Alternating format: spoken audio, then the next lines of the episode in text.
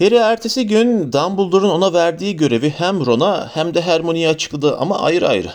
Hermione Ron'un yanında ona küçümseyen bir bakış atmak için gerekenden daha uzun bir süre kalmayı hala reddediyordu. Ron Slughorn'un Harry'e hiç sorun çıkarmayacağı görüşündeydi. Bir çatal dolusu yumurtayı havalı havalı sallayarak seni seviyor dedi. İstediğin hiçbir şeye hayır demez değil mi? Küçük iksiri prensine. Bugün öğleden sonra ders bitince kal ve ona sor. Ancak Hermione meseleye daha karamsar bakıyordu. Alçak sesle eğer Dumbledore gerçekte olup bitenleri onun ağzından alamıyorsa saklamaya kararlı demektir, dedi teneffüste, ıssız ve karlı avluda dururlarken. Hortkuluklar, hortkuluklar, onları duymadım bile. Duymadın mı? Harry hayal kırıklığına uğramıştı. Hermione'nin ona hortkulukların ne olduğu hakkında bir ipucu verebileceğini ümit ediyordu. Çok ileri karanlık büyü olmalılar yoksa Voldemort neden onlar hakkında bilgi edinmek istesin? Bence bu bilgiyi almak zor olacak Harry. Slughorn'a yaklaşmanın konusunda çok dikkatli olman gerekecek. Bir strateji düşün. Ron bu elden sonra iksir dersi bitince çıkmayıp sınıfta beklemem gerektiğini söylüyor. Aa güzel. Eğer Von Von öyle düşünüyorsa öyle yapsan iyi olur, dedi Hermione hemen alevlenerek. Zaten Von Von'un yanlış karar verdiğin zaman görülmüş ki. Hermione acaba... Hayır, dedi kız öfkeyle ve fırtına gibi uzaklaşarak Harry'i yalnız başına ve ayak bileklerine kadar kara batmış halde bıraktı. Harry, Ron ve Hermione aynı masayı paylaştıkları için iksir dersleri bugünlerde oldukça rahatsız geçiyordu. Bugün Hermione kazanını Ernie'ye yakın olacağı şekilde masanın öbür yanına çekmiş, Harry de Ron'u da görmezden geliyordu. ''Sana niye kızdı?'' diye fısıldadı Ron Harry'e. Bir yandan da Hermione'nin azametli profiline bakıyordu. Ama Harry cevap veremeden Slughorn odanın önünde durmuş, sessiz olmalarını istiyordu. ''Oturun, oturun lütfen yerlerinize. Çabuk hadi, bugün yapacak çok işimiz var. Gol palotların üçüncü yasası. Kim bana söyleyebilir? Ama Bayan Granger söyleyebilir tabii.'' Hermione son hızla ezberden söyledi. Golbalot'un üçüncü yasası karıştırılmış bir zehrin panzehirinin zehri oluşturan parçaların her birinin panzehirlerin toplamından fazlasına eşit olacağını söyler. Tamı tamına böyle diye gülümsedi Slughorn. Gryffindor'a 10 puan. Şimdi eğer Golbalot'un üçüncü yasasını doğru olarak kabul edersek Harry Golbalot'un üçüncü yasasının doğru olduğu konusunda Slughorn'un sözüne güvenmek durumundaydı. Çünkü hiçbir şey anlamamıştı. Zaten Hermione'den başka kimse de Slughorn'un onun ardından söylediğini takip ediyora benzemiyordu. Ki elbette bu da Scarpi'nin ifşa büyüsü vasıtasıyla iksirin bileşimindeki maddeleri doğru bir şekilde belirlediğimizi varsayarsak birinci amacımız bu maddelerin panzehirlerini seçmek gibi nispeten basit bir amaç olmayacak. Onun yerine neredeyse bir simya süreciyle bu tamamen farklı unsurları dönüştürecek olan ek bileşeni bulmak anlamına Ron ağzı yarı açık Harry'nin yanında oturmuş yeni ileri iksir yapımı kitabına dalgın dalgın bir şeyler çiziktirmekle meşguldü. Anlatılanları kavrayamadığında bu dertten başını kurtarması için artık Hermione'ye güvenemeyeceğini sürekli unutuyordu. Ve şimdi diye bitirdi Slughorn. Her birinizin gelip masamdan bu küçük şişeleri almasını istiyorum. Ders sona ermeden onun içindeki zehir için panzehir yaratacaksınız. İyi şanslar. Koruyucu eldivenlerinizi de unutmayın. Sınıfın geri kalanı harekete geçme zamanı geldiğinin daha farkına varamadan Hermione taburesinden kalkmış, Slughorn'un masasına giden yolu yarılamıştı. Ve Harry, Ron'la Ernie masaya döndüklerinde o şişesinin içindekileri kazana dökmüş, altında bir ateş yakıyordu bile. Doğrulurken neşeyle, ''Prensin sana bunda pek yardım edemeyecek olması ne yazık Harry'' dedi. ''Bu sefer işin etkilerini anlaman gerekiyor, kestirme de yok, hile de.'' Öfkelenen Harry, Slughorn'un masasından aldığı çok parlak pembe renkli zehrin tıpasını çıkardı. Eğip kazana döktü. Altında bir ateş yaktı. Bundan sonra ne yapması gerektiği hakkında en ufak bir fikri yoktu. Dönüp Ron'a bir göz attı ama o da Harry'nin yaptığı her şeyi taklit ettiği için hayli sersem görünerek orada duruyordu. Ron Harry'e prensin hiç tüyo vermediğine emin misin diye mırıldandı. Harry güvenilir ileri iksir yapımı kitabını çıkardı. Panzehirler bölümünü açtı. Golpalot'un üçüncü yasası. Tıpkı Hermione'nin okuduğu gibi kelimesi kelimesine yazılmıştı. Ama prensin el yazısıyla ne anlama geldiğini anlatan tek bir aydınlatıcı not yoktu. Besbelli prens de Hermione gibi onu anlamakta güçlük çekmemişti. Hiç, dedi Harry kasvetle. Hermione şimdi kazanının üstünde asasını coşkuyla sallıyordu. Ne yazık ki yaptığı büyüyü kopya çekemiyorlardı çünkü artık sözsüz büyülerde o kadar iyileşmişti ki kelimeleri yüksek sesle söylemeye ihtiyacı yoktu. Ne var ki Ernie Macmillan kazanının üstünde Special Sevalyo diye mırıldanıyordu. Kulağa etkileyici geliyor diye Harry de Ron'la telaşla onu taklit ettiler. Harry'nin sınıfın en iyi iksiri yapanın şöhretinin yerle bir olmak üzere olduğunu fark etmesi 5 dakika aldı. Slughorn zindanda ilk turunu atarken genellikle yaptığı gibi sevinçle bağırmaya hazır, umutla onun kazanına bakmış ve çürük yumurta kokusu onu bunaltınca sevinç çığlığı atmak yerine öksürerek başını çabucak geri çekmişti. Hermione'nin yüzündeki ifade ancak bu kadar hoşnut olabilirdi. Her iksir dersinde ikinci planda kalmaktan nefret etmişti. Şimdi ise zehrinin bileşiminde bulunan esrarengiz bir şekilde ayrılmış maddeleri 10 ayrı kristal şişeye özenle boşaltıyordu. Harry daha ziyade bu sinir bozucu manzaradan kaçınmak için Melis Prens'in kitabının üzerine eğildi ve gereksiz bir şiddetle birkaç sayfa çevirdi. Ve oradaydı işte. Uzun bir Panzehir Lisesi'nin tam üzerine karalanmıştı. Boğazlarından aşağı bir bezir tık olsun bitsin. Harry bir an bu kelimelere baktı. Bir keresinde çok uzun zaman önce bezirleri duymamış mıydı? Snape ilk iksir derslerinde onlardan bahsetmemiş miydi? Bir keçinin karnından çıkarılan bir taş ki insanı çoğu zehirden korur. Golpalot probleminin cevabı bu değildi ama ve Snape hala öğretmenleri olsaydı Harry bunu yapmaya cüret edemezdi. Ama bu an umutsuz önlemlere başvurma anıydı. Telaşla depo dolabına gitti. Tek boynuzlu at boynuzlarıyla düğüm düğüm kurumuş şifalı otları kenara itti. Ve en arkada üzerine bezirler kelimesi yazılı küçük bir mukavva kutu buldu. Kutuyu tam Slughorn iki dakika kaldı millet dediği anda açtı. İçinde gerçek bir taştan çok kurumuş böceğe benzeyen yarım düzine büzülmüş kahverengi nesne vardı. Harry birini aldı. Kutuyu yeniden dolaba koydu ve aceleyle kazanının başına döndü. Vaktiniz doldu diye bağırdı Slughorn güler yüzle. Bakalım yapabilmiş misiniz? Blaze bana gösterecek neyim var? Slughorn ağır ağır odanın çevresinde dola- dolaştı. Çeşitli panzehirleri inceledi. Kimse ödevi bitirmemişti ama Hermione Slughorn yanına gelmeden önce şişesine birkaç bileşen daha tıkıştırmaya çalışıyordu.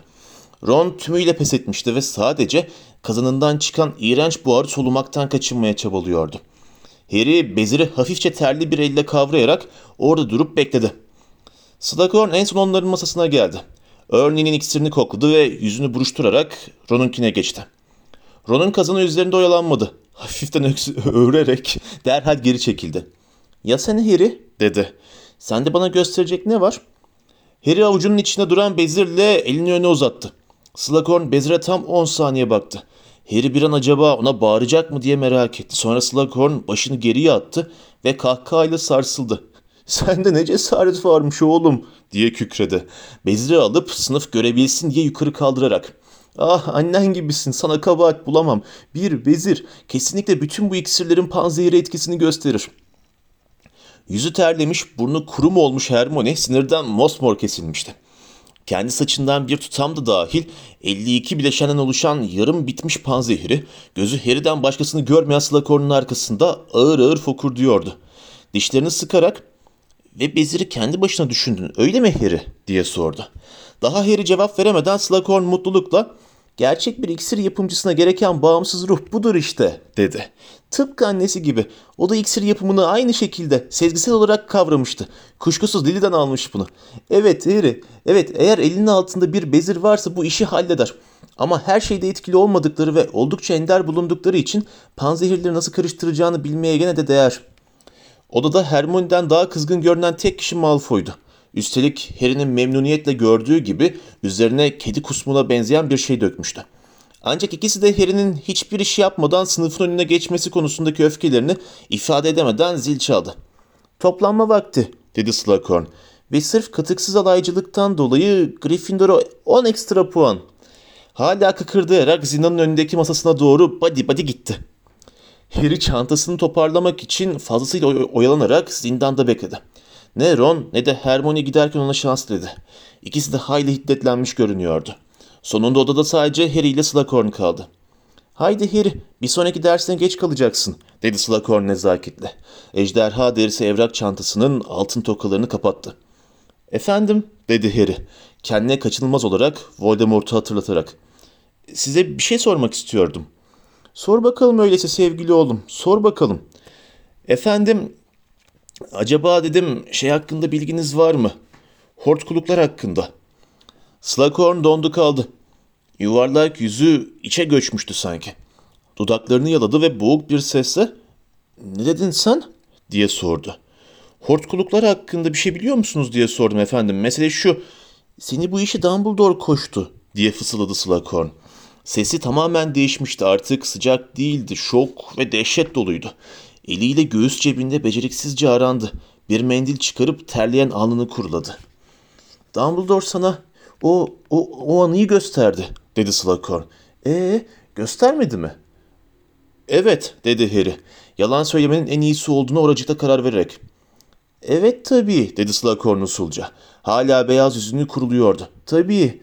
Eh o anıyı gördünse Harry sen de anlamışsındır ki hiçbir şey, hiçbir şey diye kelimeleri hiddetle tekrarladı. Bilmiyorum hortkuluklar hakkında. Ejderha derisinden evrak çantasını eline aldı, mendilini yeniden cebine tıktı ve zindan kapısına doğru yürüdü. E, efendim, dedi Harry umutsuzca. Ben sadece bu anıda belki bir şeyler daha vardır diye düşünmüştüm. Öyle mi? dedi Slughorn. Öyleyse yanılmışsın değil mi? Yanılmışsın. Son kelimeyi sesini yükselterek söyledi ve Harry daha ağzını açamadan zindan kapısının arkasından vurup kapattı.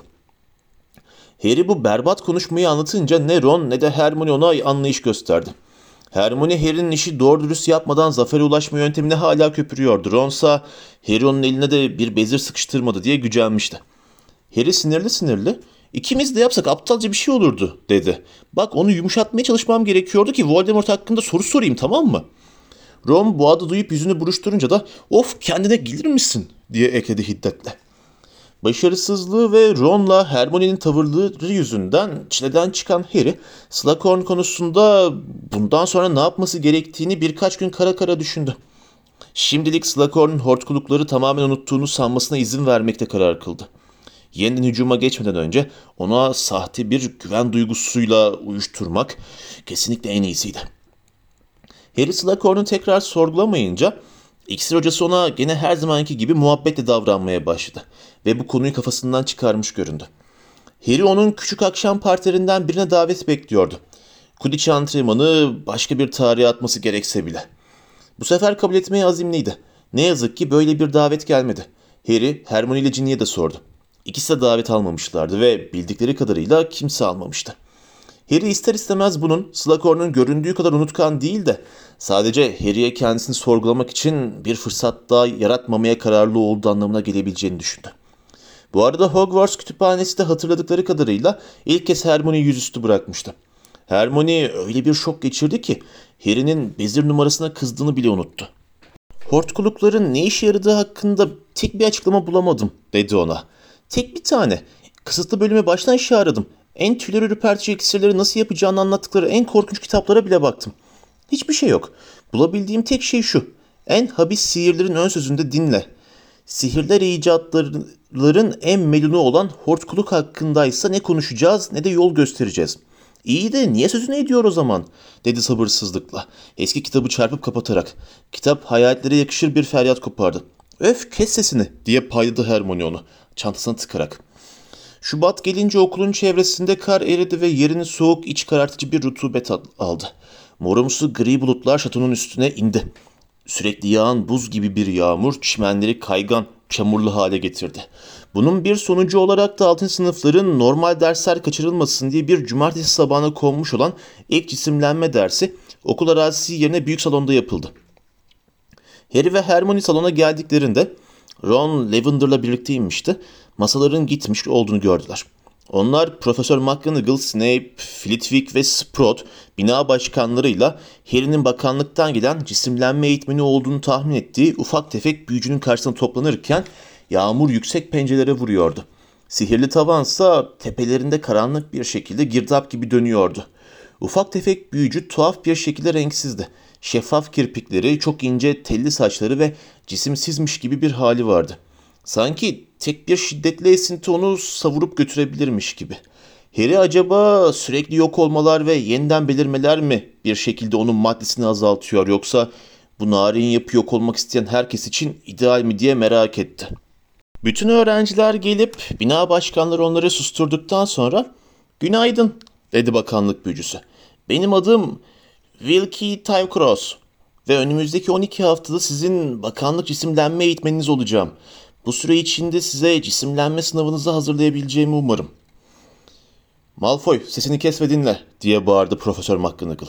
Herkes önüp baktı. Malfoy'un rengi koyu pembeye döndü. Fısıldayarak tartışıyor göründüğü Krebi'den uzaklaşırken çok kızgın görünüyordu. Harry çabucak Snape'e baktı. O da hiddetlenmiş gibiydi. Ama Harry bu öfkenin Malfoy'un kabalığından çok McGonagall'ın binasından birini azarlamasından kaynaklandığından fena halde şüpheleniyordu. Ki o zamana kadar da çoğunuz sınava girmeye hazır olabilir diye devam etti Tyve Cross. Sanki hiç ara verilmemiş gibi. Herhalde biliyorsunuz, genelde Hogwarts içinde cisimlenmek ya da buharlaşmak imkansızdır. Müdür bu sihri siz çalışabilirsiniz diye bir saatliğine sadece büyük salonda kaldırdı. Bu salonun duvarları dışında cisimlenemeyeceğinizi ve bunu denemenin hiç akıllıca bir şey olmayacağını da vurgulayayım. Şimdi tek tek hepinizin önünüzde net bir buçuk metrelik bir boşluk bırakacak şekilde durmanızı istiyorum. İnsanlar ayrılır, teker, tekrar birbirine çarpar ve başkalarına kendi boşluklarından çıkmalarını emrederken büyük bir itişip kakışma ve çekişme oldu. Bina başkanları öğrenciler arasında dolaşıp onları hizaya sokarak tartışmaları kestiler. Harry nereye gidiyorsun diye sordu Hermione. Ama Harry ona cevap vermedi. Kalabalığın içinde hızlı hareket ediyordu. Profesör Flitwick'in hepsi önde olmak isteyen birkaç Ravenclaw'u hizaya sokmak için tiz sesler çıkararak çabaladığı yeri geçti. Profesör Sprout'un Hufflepuff'ları sıraya girmeye zorladığı yeri de geçti. Ve sonunda Ernie Macmillan'dan kaçarak Malfoy'un tam arkasında kendine yer bulmayı becerdi. Malfoy kalabalığın gerisinde durmuş, genel karışıklıktan yararlanarak ondan bir buçuk metre uzakta duran ve isyan halindeymiş gibi görünen Crabbe ile tartışmasını sürdürüyordu. Daha ne kadar süreceğini bilmiyorum tamam mı? diye bağırdı. Tam arkasında duran Harry'nin farkında olmayan Malfoy. Sandığımdan daha uzun sürüyor. Crabbe ağzını açtı ama Malfoy onun ne söyleyeceğini tahmin ediyor göründü. Bak Crabbe, benim ne yaptığım seni ilgilendirmez. Sen ve Goyle sadece size söyleneni yapın. Gözlük yapın. Ben arkadaşlarıma benim için gözlük yapmalarını istediğimde onlara ne işler çevirdiğimi söylerim, dedi Harry. Ancak Malfoy'un duymasına yetecek kadar bir sesle. Malfoy eli uçarcasına asasına giderek olduğu yerde döndü. Ama tam o anda dört bina başkanı susun diye bağırdı. Ve ortalığa yeniden sessizlik çöktü. Malfoy yavaş dönüp öne baktı. Teşekkür ederim dedi Tyve. Peki öyleyse. Asasını salladı. Bir anda her öğrencinin önünde yerde eski moda tahta çemberler belirdi. Cisimlenirken hatırlanacak önemli şeyler 3K'dır dedi Tyve. Konum, kararlılık, kontrol. Birinci adım. Zihninizi gitmeyi arzu ettiğiniz yer yani konum üzerine şaşmaz şekilde odaklayın dedi Tyve Cross. Bu durumda bu yer çemberinizin içi oluyor. Lütfen şimdi konum üzerinde yoğunlaşın. Herkes başkalarının da gözlerini dikmiş, çemberine bakıp bakmadığını kontrol etmek için gizlice etrafa baktı. Sonra da hemen kendilerine söyleneni yaptılar. Harry çemberin içinde kalan daire biçimindeki tozlu zemin parçasına bakarak var gücüyle başka hiçbir şey düşünmemeye çalıştı. Bunun imkansız olduğu anlaşıldı çünkü Malfoy'un gözcü gerektirecek ne yaptığını merak etmekten kendini alamıyordu. İkinci adım dedi Ty Cross. Kararlılıkla gördüğünüz boşluğu işgal etmeye odaklanın. Ona girme özleminiz zihninizden bedeninizin her zerreciğine aksın. Harry etrafa gizli gizli göz attı. Biraz sağında Ernie Macmillan çemberini öyle bir azimle süzüyordu ki yüzü pembeleşmişti. Kıfıl boyunda bir yumurta yumurtlamaya çalışıyormuş gibi bir hali vardı. Harry gülmesini zor tuttu ve hemen gözlerini kendi çemberine çevirdi. Üçüncü adım diye seslendi Tyve Cross. Ve ancak ben emir verdiğimde yapılacak. Olduğunuz yerde dönerken hiçliğe gidişinizi hissedin. Kontrolle hareket edin. Şimdi ben emir verince bir Harry yeniden etrafa baktı. Birçok insan bu kadar çabuk şekilde cisimlenmeleri istendiği için resmen dehşete kapılmış görünüyordu. 2. Harry düşüncelerini yeniden çemberi üzerine toplamaya çalıştı. 3K'nın ne anlama geldiğini unutmuştu bile. 3. Harry olduğu yerde döndü. Dengesini kaybetti. Az daha yere kapaklanıyordu. Bu durumdaki tek kişi de o değildi. Bütün salon sendeleyen insanlarla dolmuştu birden. Neville sırt üstü yere yapışmıştı. Öte yandan Ernie Macmillan parmak uçlarına dönerek çemberin içine atlamıştı ve bir an heyecanlanmış göründü. Ta ki Dean Thomas'ın ona bakıp kahkahalar attığını fark edene kadar. Önemi yok, önemi yok dedi. Daha iyisini beklemediği anlaşılan Tyve Cross duygusuzca. Çemberlerinizi düzeltin. Lütfen ve ilk baştaki konumunuza geri dönün. İkinci deneme birincisinden iyi sonuç vermedi. Üçüncüsü de aynı derecede kötüydü. Dördüncüye kadar heyecan verici bir şey olmadı. Ama dördüncü kez denediklerinde müthiş bir ıstırap çığlığı duyuldu ve herkes dehşet içine dönüp baktı. Hufflepuff'tan Susan Bones çemberin içinde sağa sola sallanıyordu.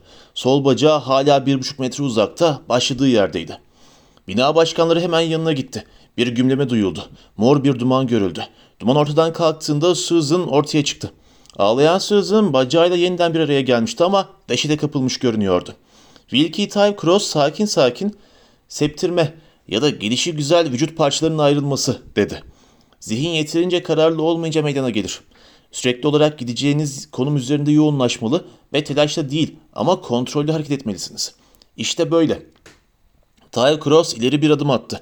Kolları iki yana açık oracıkta zarafetle döndü ve bir cübbe anaforu içinde gözden kaybolup salonun arkasında yeniden ortaya çıktı. 3K'yı unutmayın dedi ve yeniden deneyin. 1, 2, 3. Ama bir saat sonra Susan'ın septirmesi hala meydana gelmiş en ilginç olaydı. Ty Cross cesaretini kaybetmiş görünmedi. Pelerini boynunda tutarak sadece önümüzdeki cumartesiye görüşürüz ve unutmayın konum, kararlılık, kontrol. Bunu söyleyince asasını saladı. Çemberleri kaybetti ve yanında Profesör McGonagall'la birlikte yürüyerek salondan çıktı. Giriş salonuna doğru giderken herkes birden konuşmaya başladı. Senin nasıl gitti? diye sordu Ron telaşla Harry'nin yanına gelerek. Sanırım son denediğimde bir şey hissettim. Ayaklarımda bir tür karıncalanma. Herhalde spor ayakkabıların çok küçük von von dedi arkalarından bir ses ve Hermione pis pis gülerek yanlarından geçti. Ben hiçbir şey hissetmedim dedi Harry. Onun, onun araya girmesini aldırmayarak. Ama artık aldırmıyorum çünkü... Ne demek aldırmıyorum? Cisimlenmeyi öğrenmek istemiyor musun? dedi Ron kulaklarına inanamazcasına.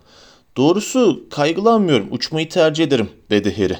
Omzunun üstünden Malfoy'un nerede olduğuna bakıp giriş salonuna geldiklerini hızlanarak. Bak acele et tamam mı? Yapmak istediğim bir şey var.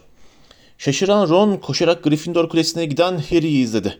Dördüncü katta bir kapıyı sıkıştırıp kapatmış ve kendi pantolonu ateşe vermeye kimseyi geçirmeyeceğini söyleyen Peeves bir süre onları yollarından alıkoydu. Ama Harry ve Ron geri dönüp güvenilir kestirmelerinden birine dalarak bu sorunu hallettiler. Beş dakika sonra porta deliğinden içeri tırmanıyorlardı. Bize ne yaptığımızı söyleyecek misin sen? diye sordu. Biraz soluk soluğa kalmış olan Ron. Yukarı dedi Harry ve önden gidip ortak salonu aşarak erkeklerin merdivenine giden kapıyı açtı. Yatakhane Harry'nin umduğu gibi boştu. Sandığının kapağını bir hamlede açıp Ron sabırsızlıkla onu izlerken içini karıştırmaya koyuldu. Harry, Malfoy Krebi ve Goyle'ü gözcü olarak kullanıyor. Az önce Krebi ile tartışıyordu. Bilmek istediğim. Hah, bulmuştu. Kare şeklinde katlanmış boş görünen bir parşömendi bu. Açtı ve asasının ucuyla ona dokundu. Bütün ciddiyetimle yemin ederim ki hayırlı bir şey düşünmüyorum. Ya da en azından Malfoy düşünmüyor. Birden parşömenin yüzeyinde çapulcu haritası belirdi.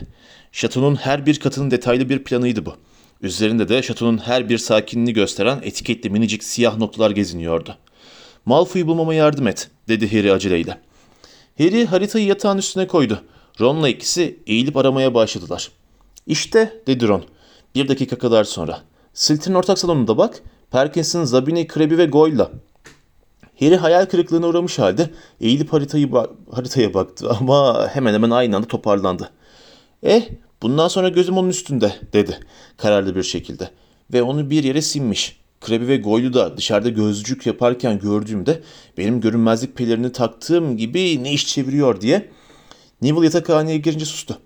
Beraberinde kuvvetli bir yanık kokusu getiren Neville sandığını karıştırarak yeni bir pantolon aramaya başladı. Malfoy'u yakalama konusundaki azmine rağmen Harry'nin sonraki iki hafta boyunca şansı yaver gitmedi. Haritaya mümkün olduğu kadar sık sık baktığı ve Malfoy nerede diye aramak için ders aralarında gereksiz yere tuvalete gittiği halde onu bir kez bile şüpheli bir yerde görmedi. Gerçi Krebi ve Goylu şatoda her zamankinden sık kendi başlarına gezinirken ve bazen de boş koridorlarda dururken gördü ama bu sıralarda Malfoy yalnızca onların yakınında bir yerde olmamakla kalmıyordu. Haritada yerini saptamak da imkansız oluyordu. Çok esrarengiz bir durumdu bu. Harry onun okul arazisi dışına çıkma ihtimalini ölçüp biçti ama şimdi şatodaki son derece yüksek güvenlik düzeyi göz önüne alınırsa bunu nasıl yapabileceğini kestiremedi. Sadece haritanın üstündeki yüzlerce minik siyah leke arasında Malfoy'u gözden kaçırdığını tahmin edebiliyordu. Genelde birbirinden ayrılmaz olan Malfoy'la Kreb'i ve Goyle'un ayrı ayrı dolaşmalarına gelince insanlar büyüdükçe böyle şeyler oluyordu. Ron ve Hermione diye hüzüne düşündü Harry. Bunun canlı kanıtıydı. Şubat sonuna yaklaşıp Mart gelirken havada bir değişiklik görülmedi. Sadece rutubetin yanına rüzgar da eklenmişti. Bütün ortak salonların ilan tahtalarına asılan ve Hogsmeade'e yapılacak bir sonraki gezinin iptal edildiğini bildiren bir duyuru herkesin öfkelenmesine yol açtı. Ron çok kızmıştı. Doğum günümdeydi dedi. Büyük bir hevesle bekliyordum. Ama büyük bir sürpriz değil ha dedi Harry. Kitty'nin başına gelenlerden sonra.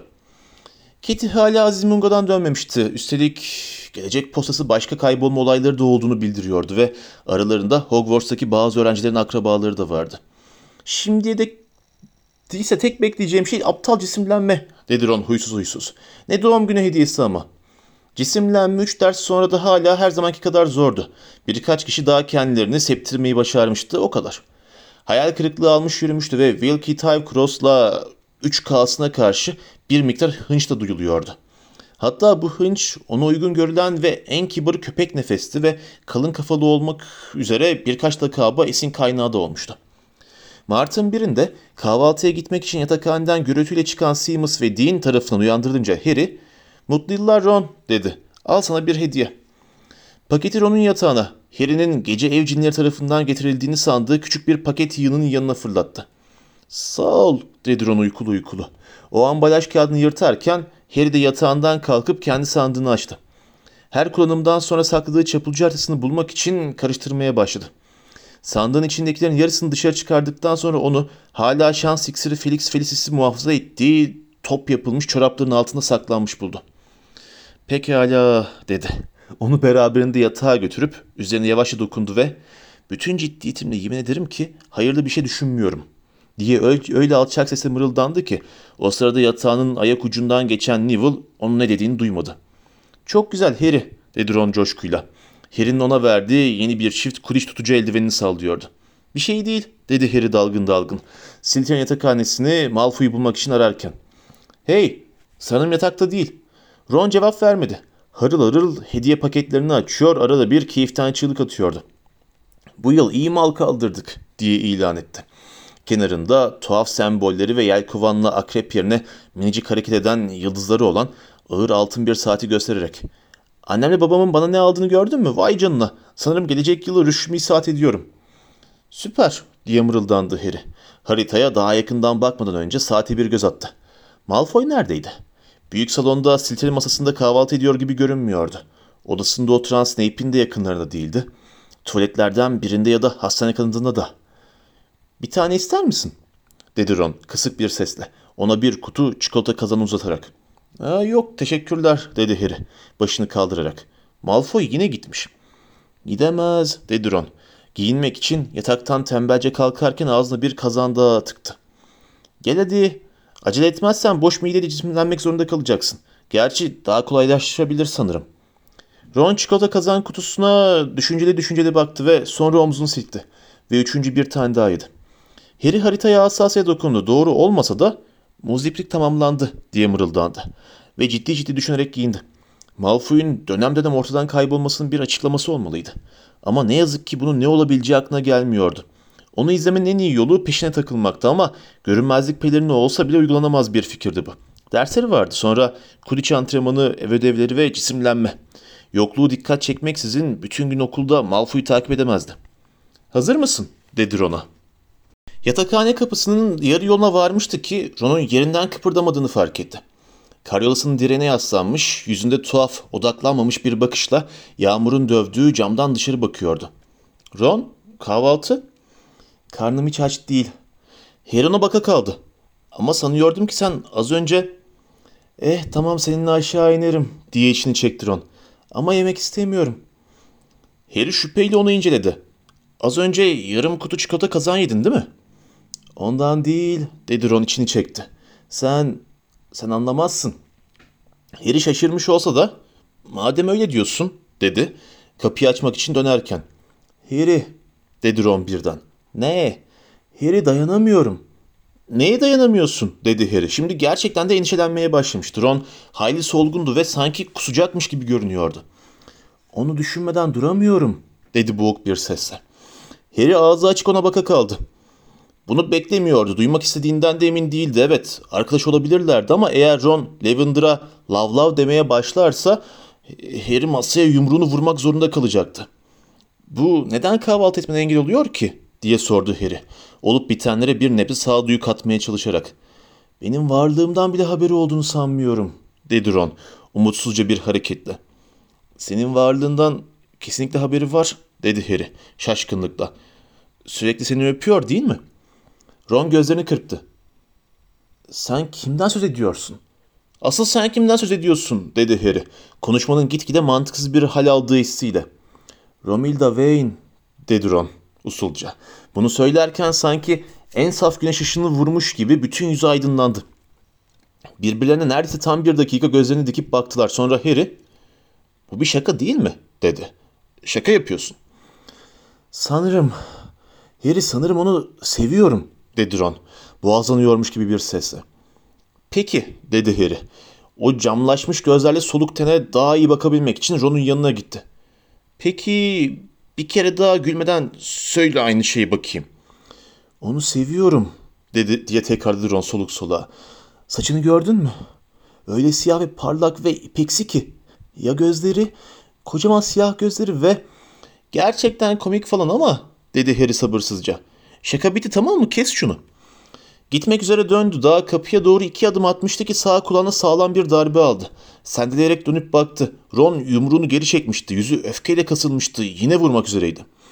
Harry içgüdüsel bir tepki gösterdi. Bilinçli bir şekilde düşünmeden asasını cebinden çıkardı ve büyülü sözler aklına geldi. Levi Corpus. Ayak bileği bir kez daha yukarı kıvrılan Ron çığlığı bastı. Çaresiz bir şekilde tepe üstü cübbesi aşağı sarkarak havada asılı kaldı. O da niyeydi ki diye bağırdı Harry. Ona hakaret ettin Harry. Şaka olduğunu söyledin diye bağırdı. Kan başına hücum ettiğinden yüzünün rengi yavaş yavaş mora dönen Ron. Bu çılgınlık dedi Harry. Sana ne ol? Sonra Ron'un yatağında açık duran kutuyu gördü ve hakikat hızla koşan bir fitin gücüyle ona çarptı. Bu çikolata kazanları nereden aldın? Doğum günü armağanıydı diye haykırdı Ron.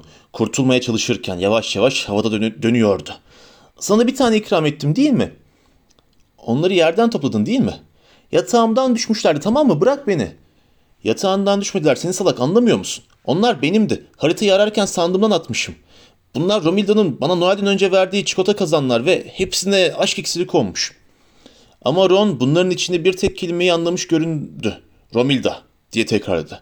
Romilda mı dedin Harry? Onu tanıyor musun? Beni tanıştırabilir misin? Harry şimdi yüzünde fevkalade umutlu bir ifadeyle havada asılı duran Ron'a baktı ve güçlü bir kahkaha atma arzusuyla boğuştu. Bir yanı nabız gibi atan sağ kulağına en yakın olan Ron'u indirip iksirin etkisi geçene kadar zıvandan çıkmasını izlediyordu. Ama sonuçta arkadaşlar Ron ona saldırdığında kendi değildi ve Harry eğer kendisi Ron'un Romilda Wayne'e olan ebedi aşkını ilan etmesine izin verirse bir yumruğu da hak edeceğini düşünüyordu. Evet seni tanıştıracağım dedi Harry hızla düşünerek. Şimdi seni indireceğim tamam mı? Ron'u hızla yere çakılmak üzere bıraktı. Sonuçta Harry'nin kulağı epeyce acıyordu ama Ron sırtarak tekrar ayağa kalkmakla yetindi. Slughorn odasında olacak dedi Harry tereddüt etmeden. Öne düşüp kapıya doğru gitti. Niye orada olacak ki? diye sordu Ron merakla. Ona yetişmek için acele ederek. Aa onunla ek iksir dersi yapıyor dedi alabildiğini uyduran Harry. Belki ben de onunla ders alabilir miyim de sorarım ha dedi Ron hevesle. Oh harika fikir dedi Harry. Lavender porta deliğinin yanında bekliyordu. Harry'nin tahmin etmediği bir sorundu bu. Geç kaldın Von Von dedi dudağını sarkıtarak. Sana bir doğum gün rahat bırak beni dedi Ron sabırsızca. Harry beni Romilda Wayne'e tanıştıracak. Ve ona başka tek kelime etmeden porta deliğinden dışarı çıktı.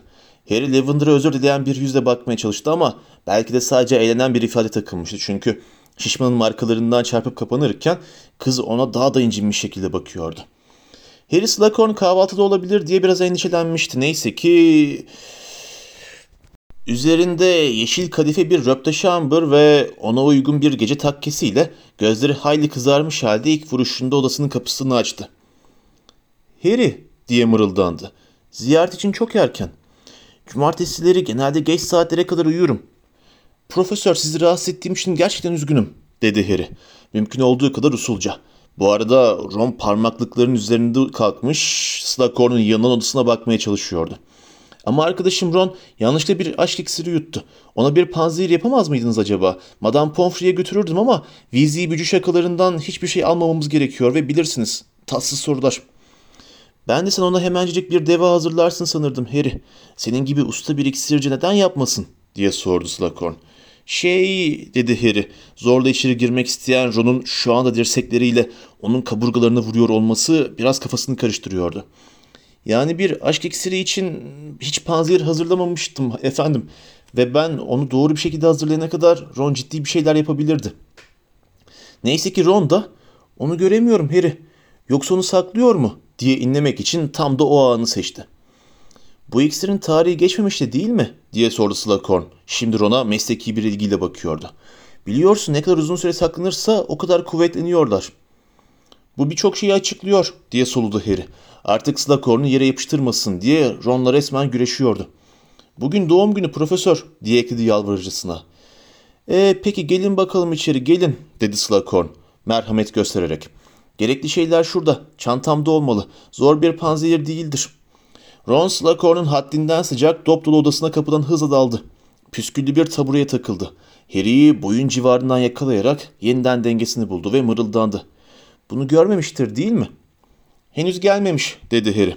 Slughorn'un iksir setini açıp küçük kristal bir şişeyi bir tutam ondan bir tutam bundan katmasını izleyerek. İyi dedi Ron ateşli bir şekilde. Nasıl görünüyorum? Çok yakışıklı dedi Slughorn kibarca. Ron'a bir bardak berrak sıvı uzattı. İç bakalım şunu. Heyecanını yatıştırmak için bir tonik. O geldiğinde sakin olmanı sağlar. Anlıyorsun ya. Harika dedi Ron hevesle. Ve panzehiri gürültüyle yuttu. Harry ve Slughorn onu gözlediler. Ron bir an onlara sırtarak baktı. Sonra çok yavaşça sırıtması azaldı ve yok oldu. Yerine müthiş bir dehşet ifadesi aldı. Normale döndün ha? dedi Harry sırıtarak. Slughorn kıkırdadı. Çok teşekkürler profesör. Bir şey değil oğlum, bir şey değil dedi Slughorn. Ron perişan halde yakındaki bir koltuğa yığılırken. Canlandırıcı bir içkiye ihtiyacı var bunun diye devam etti Slughorn. Şimdi içkilerle dolu bir masaya doğru telaşla gidiyordu. Kaymak biram var, şarabım var. Şu meşede dinlenmiş şekerli içkinin son şişesi var. Hım, bunu Noel'de Dumbledore'a vermeyi düşünüyordum. Ah neyse, omzunu silkti. Hiç sahip olmadığı bir şeyin eksikliğini çekemez. Niye şimdi şişeyi açıp Bay Weasley'nin doğum gününü kutlamıyoruz? Hayal kırıklığıyla sonuçlanmış aşkın sancılarını kovalamak için iyi bir içkiden iyisi yoktur. Yeniden kıkırdadı. Harry de ona katıldı. Gerçek kanıyı ondan almaya yönelik felaketle sonuçlanan ilk denemesinden ardından Slughorn'a ilk kez bu kadar. Neredeyse yalnız kalıyordu. Belki de Slughorn'u keyifli halde tutarsa, belki de meşede dinlenmiş şekerli içkiden yeterince içerlerse... Alın bakalım, dedi Slughorn. Harry ve Ron'a birer bardak şekerli içki verip kendininkini de havaya kaldırırken. Eh, çok mutlu yıllar Ralph. Ron, diye fısıldadı Harry. Ama şerefine söylenenleri dinlemiyormuş gibi görünen Ron, şekerli içkiyi ağzına döküp yutmuştu bile. Harry'nin bir şeylerin korkunç şekilde ters gittiğini anlaması için bir saniye geçti. Bir kalp çarpışından az süre. Slughorn ise besbelli ki anlamamıştı. Ve daha nice. Ron? Ron bardağını düşürmüştü. Koltuğundan yarım kalktı ve sonra çöktü. Kollarıyla bacakları kontrol dışı şekilde sarsılıyordu. Ağzından köpükler akıyordu. Gözleri dışarı uğramıştı. Profesör diye bağırdı Harry. Bir şeyler yapın. Ama Slughorn çoktan felç olmuş gibiydi. Ron'un her yanı seyiriyordu. Nefesi tıkanmıştı. Boğuluyor gibiydi. Teninin rengi maviye dönüyordu. Ne? Ama dedi Slughorn tükürür gibi. Harry alçak bir masanın üstünden sıçrayarak Slughorn'un açık olan iksir setine doğru gidip kavanozlarla torbaları çekip çıkarırken Ron'un gargara yapar gibi solumasının korkunç sesi odayı dolduruyordu. Derken aradığını buldu. Slughorn'un iksir dersinde ondan aldığı büzülmüş böbrek biçimindeki taş. Ron'un yanına koştu. Çenesini çekip zorla açtı ve beziri ağzına attı. Ron adam akıllı titredi. Sarsılarak bir soluk aldı ve vücudu gevşedi. Hareketsizleşti.